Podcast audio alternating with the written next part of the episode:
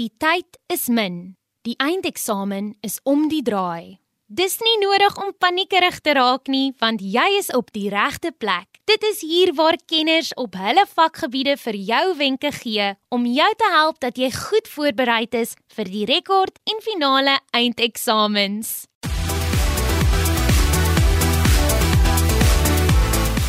Lewensoriëntering is een van die 4 fundamentele vakke wat vereis word vir die nasionale senior sertifikaat. Dit beteken dat dit verpligtend is vir alle leerders in graad 10, 11 en 12.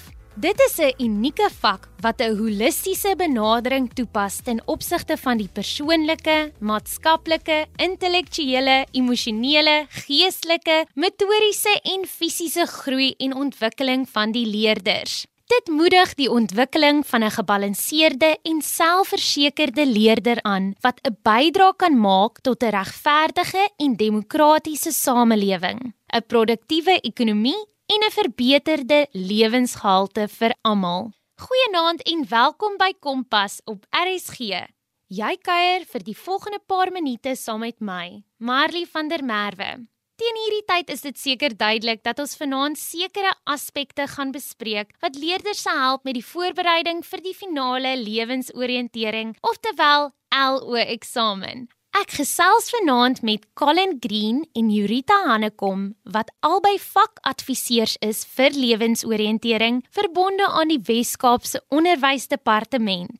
Colin is die vakadviseur in die Weskus Onderwysdistrik en Jurita in Metropool Noord. Lewensoriëntering is 'n interessante vak en is prakties van aard. Dit berei jou voor om jou regmatige plek in die samelewing in te neem. Dit is 'n vak waar jy jouself leer ken as persoon, veral jou sterk en swakpunte en stel jou in staat om jou volle potensiaal te ontwikkel. Hierdie program is aan jou gebring deur die Departement van Basiese Onderwys en SABC Opvoedkunde.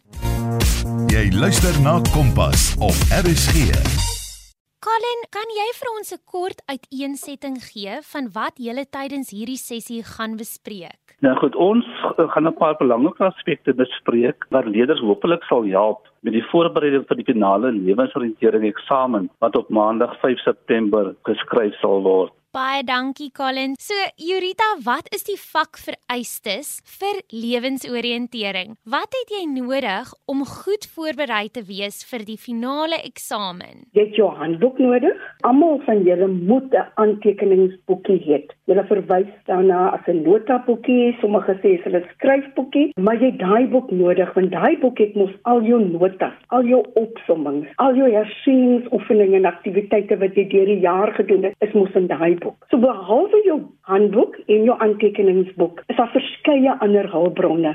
Die WKOD het 'n aanlyn webtuiste. Ons verwys daarna as die e-portaal of die e-portal, maar daai aanlyn webtuiste is daar WKOD lesse, daar's 'n hersieningsboekie beskikbaar, daar's 'n hersiene jaarlikse onderrigsplan, dit wat jou onderwyser gebruik het. Maar daai is nou nodig vir jou om net seker te maak watter onderwerpe en konsepte jy moes gedek het. En as ek nou sê konsepte, praat ek van LO, spesifieke konsepte. Wil net vir jou herinner dat daar 'n vakkonseplys as deel van die hersieningsboekie wat al die verduidelikings het van ons vakkonsepte. Al die definisies, so maak seker dat jy daai hersieningsboekie het. Dan het jy die nasionale eksamenriglyne vir LO.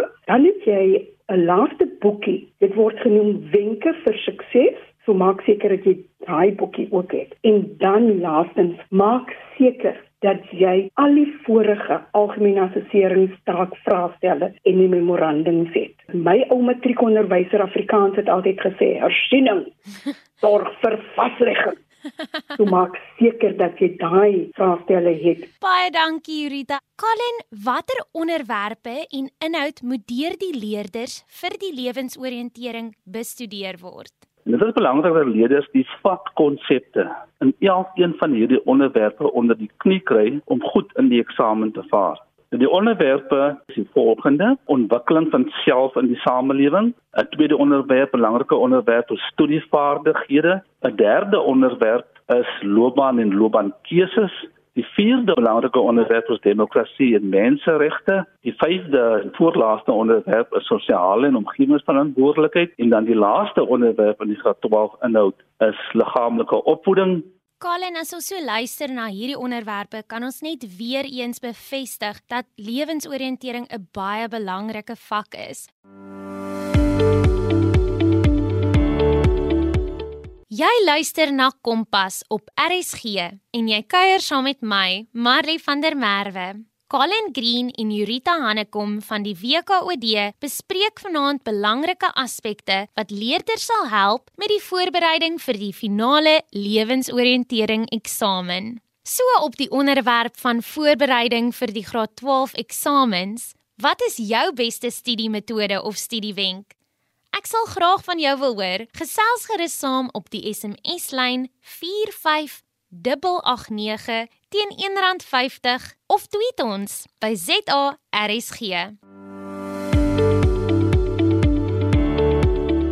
So Jurita, watter rol speel skoolgebaseerde assessering? Dit is die SGA in lewensoriëntering. Dis wat ek sê Marley, skoolgebaseerde assessering en dis die assessering wat by die skool plaasvind. Nou moet ek eers en seker sê vir leerders, by ons verteenwoordig jou skoolgebaseerde assessering oor die SGA 100% van jou finale punt vir die vak. Maar die vraestel wat die 5de September geskryf word, word wel ekstern opgestel. Maar ons vak word gemerk by die skool. So wat is ons vyf take? Is die brongebaseerde taak wat ek weet julle weet julle het in die eerste kwartaal gedoen, dis 90 punte. Dan het ons die projek wat in die tweede kwartaal afgehandel het, wat ook 90 punte getel het. Dan het ons 'n praktiese deel wat ons verwys na as die liggaamlike opvoedingstaak en dit was gedoen in die eerste kwartaal vir 10 punte en die tweede kwartaal vir 10 punte ook. Ons derde is die gekontroleerde toets wat jy in die derde kwartaal afgehandel het. Dis 100 punte ook en dan die finale algemene assesseringstaak wat die 5de September geskryf word. Hierdie 5 assesseringstake is dan die 400 punte wat finaal op jou rapport gaan verskyn. So Colin, kan jy vir ons 'n kort uiteensetting gee van die eksamenvraestel? Hierdie die eksamenvraestel bestaan uit 3 afdelings. Afdeling A wat 20 punte tel en al die vrae in hierdie afdeling is verpligtend. Afdeling B tel 40 punte en al die vrae in hierdie afdeling is ook verpligtend. Dan is daar afdeling C wat 40 punte tel. Nou in afdeling C is daar 3 vrae van 20 punte waarvan leerders 2 moet kies. So die groot totaal van hierdie vraestel is 100 punte. Jurita, so kan jy vir ons die uitleg van die vraestel verskaf? Afdeling A bestaan uit meervoudige keusevrae. Dan is daar 'n tweede sub-sub afdeling van vraag 1 wat hulle jou vraag gee een woord of een term vir 'n beskrywing en dan die derde vraag hulle jou kortpunte wat 2 of 3 punte mag tel en dan die laaste deel van vraag 1 is die laaste 2 jare het hulle 'n bron gebruik en dan vra hulle vir jou vrae wat van toepassing is op daai bron en daai vrae stel so 2 en 3 punte. So daai afdelings vorm almal vraag 1 en dit tel 20 punte. Afdeling B, die subtotaal is 40 punte, maar dis twee vrae. So vraag 2 en vraag 3 gaan jou vrae wees van afdeling B. Albei die twee vrae is brongebaseerde vrae en die vrae se subtotaal is weer 20 punte. Volgende vraag in afdeling B is vraag 3 wat op presies dieselfde formaat wees. Dis 'n bron en van daai bron vra hulle vrae. Die vrae dek ons praat van kognitiewe vlakke. Dis die vlak van denke en jy sal sien met die punte toekenning. Dis die makliker vrae, dan die bietjie moeiliker en dan die moeilikste vraag is die laaste vraag van 'n subvraag. Dan die laaste afdeling keuse afdeling. Dit beteken daar's 3 vrae, luister mooi matriek, enige 2 uit die 3 moet jy kies. Hierdie twee vrae is weer soos afdeling B se vrae, brongebaseer, so dit kan weer 'n uittreksel wees en dan is elke vraag oor 'n bepaalde onderwerp. Elke vraagie behandel 'n sekere onderwerp, maar van die vrae mag hulle dalk subonderwerpe integreer vir jou. En nou is dit belangrik dat jy weet hierdie vrae tel tussen 4 tot 8 punte. Jy kry vrae wat 8 punte. Moenie skrik nie. 8 punte tel. So afdeling C is weer twee vrae wat 40 punte tel. Nou is dit tyd om te kyk na die belangrike aksiewerkwoorde of opdragwerkwoorde en hoe hierdie werkwoorde in konteks van lewensoriëntering gebruik word. Kom ons hoor wat sê Colin en Jurita. So, Colin, watter belangrike aksiewerkwoorde of opdragwerkwoorde behoort leerders van kennis te neem vir die lewensoriëntering vraestel? Nou ons eie diagnostiese ontledings van die laaste paar jaar wys dan ook dat heelwat leerders nie die vraag korrek beantwoord nie omdat hulle die opdragwerkwoord nie goed begryp nie. Die eerste enetjie is noem Dit beteken eenvoudig jy skryf jou antwoord neer sonder enige bespreking. Analiseer. Dit beteken jy kyk sorgvuldig na die struktuur van iets om te verduidelik waaruit dit bestaan. Dan bespreek jy verskaf die redes vir jou stelling. Jy noem die vir en die teenopsies en jy kom tot 'n gevolgtrekking. As jy vraag vir jou vra om te beskryf, dan beteken dit jy beskryf in woorde hoe iets lyk. Jy skets 'n prentjie in woorde. As jy vraag van jou vrou om te definieer, dan moet jy die presiese betekenis van die konsep verskaf. Jy sê wat daarmee bedoel word. Onderskei. Hier moet jy wys op die verskille tussen bepaalde dinge. Jy lig die hooftrekke op die eienskappe uit wat dinge van mekaar onderskei en jy skryf dit neer. Die volgende aksiewerkwoord is verduidelik. Dit beteken jy beskryf 'n aspek of 'n onderwerp in detail sodat dit beter verstaan kan word. Die volgende werkwoord is assesseer. Dit beteken jy bepaal die aard, die kwaliteit of die waarde van iets. Identifiseer. Jy stel vas of noem wie of wat iets is of wys op of jy dui aan wat spesifiek is. Iets waarop gelet moet word. As die vraag soort jou vra, jy moet aanbevelings doen, beveel aan. Dan beteken jy moet positiewe aksies gee as 'n oplossing. Stel voor, hier moet jy idees verskaf of redes om 'n verduideliking of oplossing voor te stel. As jy vra van jou vrou om iets krities te bespreek, dit beteken jy lewer jou uitspraak oor die mate waarin 'n stelling of bevindings waar is of tot watter mate jy met 'n stelling saamstem. As jy gevra word om iets te motiveer, dan moet jy redes verskaf waarom jy 'n sekere standpunt inneem. As jy gevra word om iets te evalueer, dan spreek jy jou opinie uit met voorbeelde van hoe goed of swak, negatief of positief, suksesvol of onsuksesvol iets is. Jy gee dus 'n beoordeling van die waarde van iets. Dit is belangrik dat jy die positiewe en die negatiewe aspekte van 'n bepaalde konsep aandui. Baie dankie Colin. So Jurita, kan jy vir ons 'n paar voorbeelde gee hoe hierdie werkwoorde, die werkwoorde wat Colin nou net vir ons genoem het, in konteks van lewensoriëntering gebruik word en die punte toekenning daarvan? So ek gaan vir jou 'n voorbeeld gee van 'n vraag. Die vraag lei soos volg: Gee twee redes waarom dit belangrik is om vrae te analiseer wanneer eksamens afgelê word. En die punte toekenning in hakkies is 2 maal 1. Dit tel 2 punte. So die vraag lei gee twee redes. So die aksiewoord hoor ek nou julle sê, Jorita dis gee. Dan sê dit twee redes. En as jy nou na die punte toekenning kyk in die hakkies, sal die eerste punt of die eerste getal moet 2 wees. En ons noem daai 2 'n beperkende getal. Want dit beperk jou, jy moet matrieks twee antwoorde gee. So tussen die hakies sê dat 2 mag 1 en die 2 is die beperkende getal, maar die instruksie sê vir jou gee twee redes. Dan is daar 'n tweede getal. Die tweede getal of die tweede punt in die geval sê 1.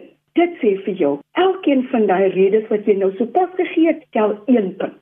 Kom ons doen gou 'n ander een. Bespreek een moontlike emosionele invloed wat 'n ramp soos 'n storm loop op mense kan hê wat sosiale of sportgeleenthede bywoon. En nou sê die punte toekenning 1 maal 2 maar dit tel ook twee punte. Maar nou het die instruksie gesê bespreek, maar ek moet net een emosionele invloed bespreek. So die eerste beperkende getal sê vir my dis 1 en daar moet daar 'n 1 eerste in die hakkie. Maar nou moet ek onthou, Dis nou bespreek, so die tweede punt sê vir my elkeen of die spesifieke invloed wat ek gaan neerskryf moet twee punte tel. So ek kan nie net een sinnetjie skryf nie. Ek moet dit bespreek, so ek sê wat die invloed is, maar dan verduidelik ook 'n bietjie meer hoe die invloed emosioneel op mense impak kan hê. Een emosionele invloed wat 'n impak kan hê, maar dit tel twee punte. Dan is daar vra wat sê beveel twee praktiese strategieë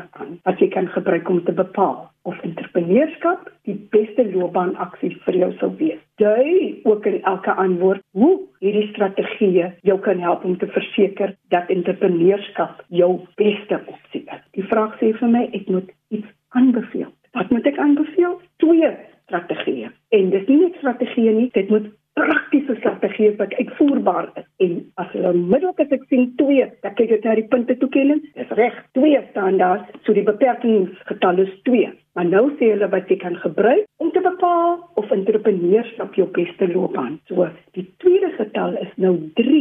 So elkeen van daai strategieë tel 3 punte. Ek moet nou skryf iets wat 3 punte werd is. So ek moet eers my strategieë, dan moet ek motiveer hoekom daai strategie gaan werk en dan sê hulle dui in elke antwoord hoe jou strategie help om te verseker. Die woordjie hoe, nou moet jy vir daardie vir jou juffrou sê, hoe gaan hierdie strategie dit help? Dan het ons 'n ander voorbeeld. En hierdie voorbeeld is 'n waar die punte toekenning 'n plus het. So dra jy lees en jy sien 'n en maak 'n groot sirkel rondom daai en.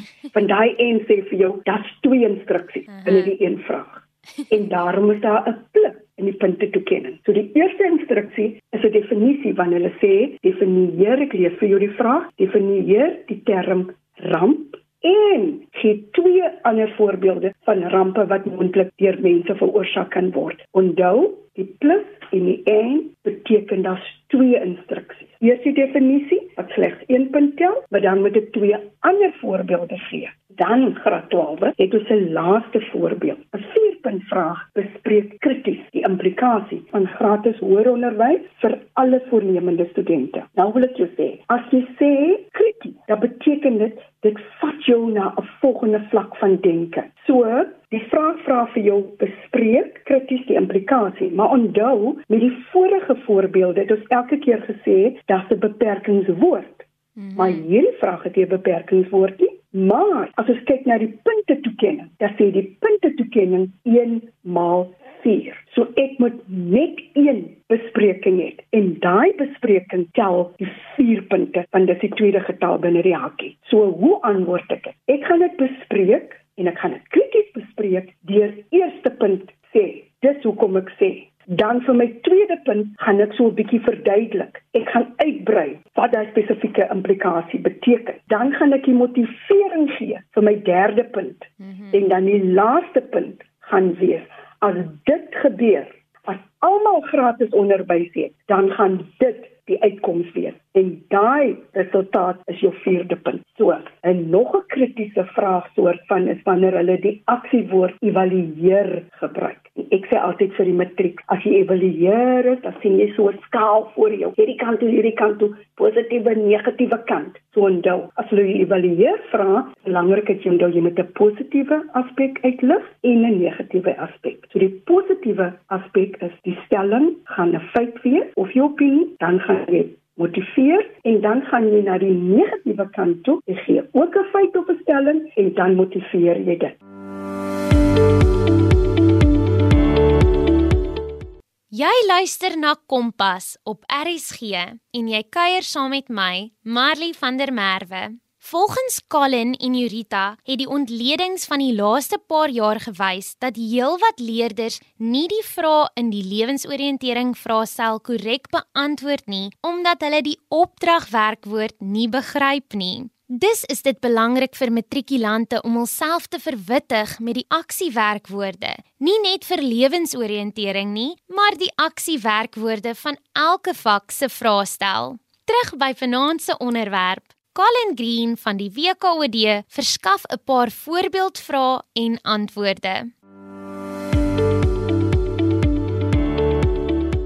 Colin, kan jy vir ons 'n paar voorbeeldvrae en antwoorde verskaf? Ek sal 'n paar sleutelareas waarvan die leerder bewus moet wees uitlig. Want soos ek vroeër genoem het, ons ontledingswys leerders lees of verstaan nie wat die vraag vra of wat die opdrag is nie. Baie belangrik, leerders kyk nie altyd na die aksiewerkwoorde of die terminologie en puntetoekenning om hulle te lei nie. As jy vra byvoorbeeld sou sê, noem twee moontlike gevolge as 'n mens die eksamenlokaal vroeg verlaat. En die puntetelling daar is 2 en die antwoord op so 'n vraag sal wees: Jy mag besef dat jy foute begaan het wat jy nie meer kan regstel nie en jy mag uitmis op moontlike korreksies of regstellings van foute in die eksamen vraestel. 'n Tweede voorbeeld is definieer. As ons byvoorbeeld sou sê, definieer die term rekreasie. Dit is ontspanningsaktiwiteite wat mense doen vir genot. Dit is die definisie. 'n Derde voorbeeld is bespreek. Byvoorbeeld, bespreek een manier waarop jy jou konsentrasie kan verbeter wanneer jy in 'n eksamenomgewing is. En so 'n antwoord sal wees dat jy jou nie te bekommer oor persoonlike probleme nie, aangesien jy niks daarin kan doen om daardie stadium nie, sodat jy jou volle aandag kan gebruik om inligting te herroep. En dit is dan die twee punte op daardie vraag. Die woordjie verduidelik verduidelik twee strategieë wat kan help om konflik in verhoudings te hanteer. Belangrik hier in hierdie sin is ook lewensoriënteerde konsepte soos strategie. Om so 'n vraag te beantwoord, moet jy ook weet wat strategie beteken. En strategie is 'n aksieplan om jou doelwit te bereik. So die antwoord op so 'n vraag sal dan wees: vind die regte tyd en plek om 'n saak aan te spreek. Dit sal die eerste punt wees om sodoende te verhoed dat emosies opwel die konflik kan vererger. 'n Tweede strategie sal wees: spreek die kwessie op hande aan deur die werklike oorsaak van die konflik te identifiseer. Dit is die een punt sodat jy op die saak mag fokus en nie om die persoon nie. Dit is die tweede punt. 'n Verdere voorbeeld leerders is motiveer waarom die regering se maatskaplike bystandsprogramme nie in die langtermyn volhoubaar kan wees nie. Die antwoord sal wees indien die regering se besteding aan maatskaplike toelaas voortgaan om soos die afgelope paar jaar te styg, dit sal een punt wees, sal die alle regeringsinkomste absorbeer indien huidige tendense nie aangepas word nie en dit is die tweede punt. Dan kyk ons gou verder, beveel een manier aan waarop jong mense elektroniese of sosiale media kan gebruik om deelname aan rekreasieaktiwiteite oor geslagsgroepe heen te bevorder. Jy ook in jou antwoord die impak van ja van hierdie aksies aan in betel 3 punte.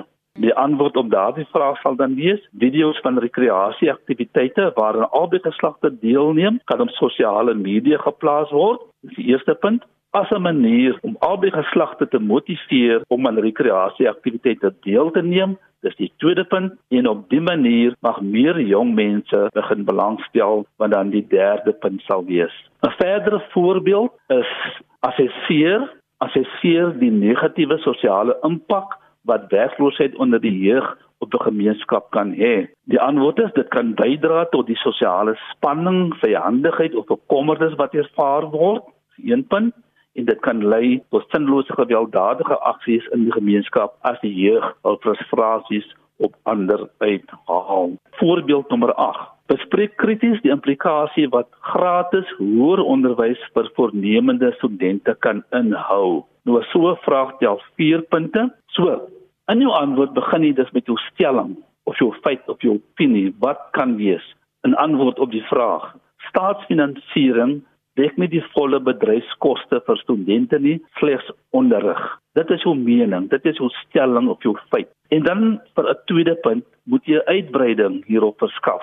En dit is dit sou impliseer dat studente steeds afhanklik sou wees van 'n bron van inkomste om 'n lewenskoste te handhaaf.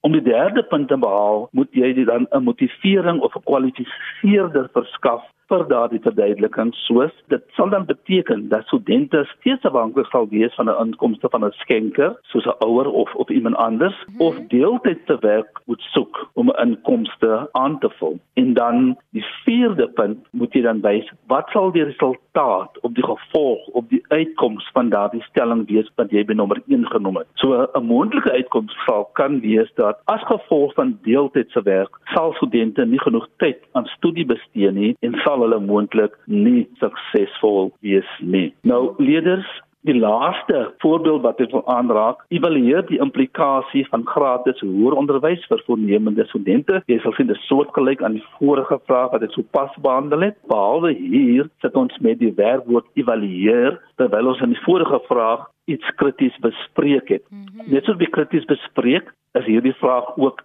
vier punte. So jy gee 'n beoordeling van die waarde van iets en jy dui die positiewe en die negatiewe aspekte aan. Jy weeg dit as ware teenoor mekaar op. Dit is wat evalueer beteken. Nou as ons eers kyk na die positiewe Dan sal so 'n antwoord wees: met gratis onderwys kan studente op hul studies fokus, by een punt, en dan kom die kwalifisering.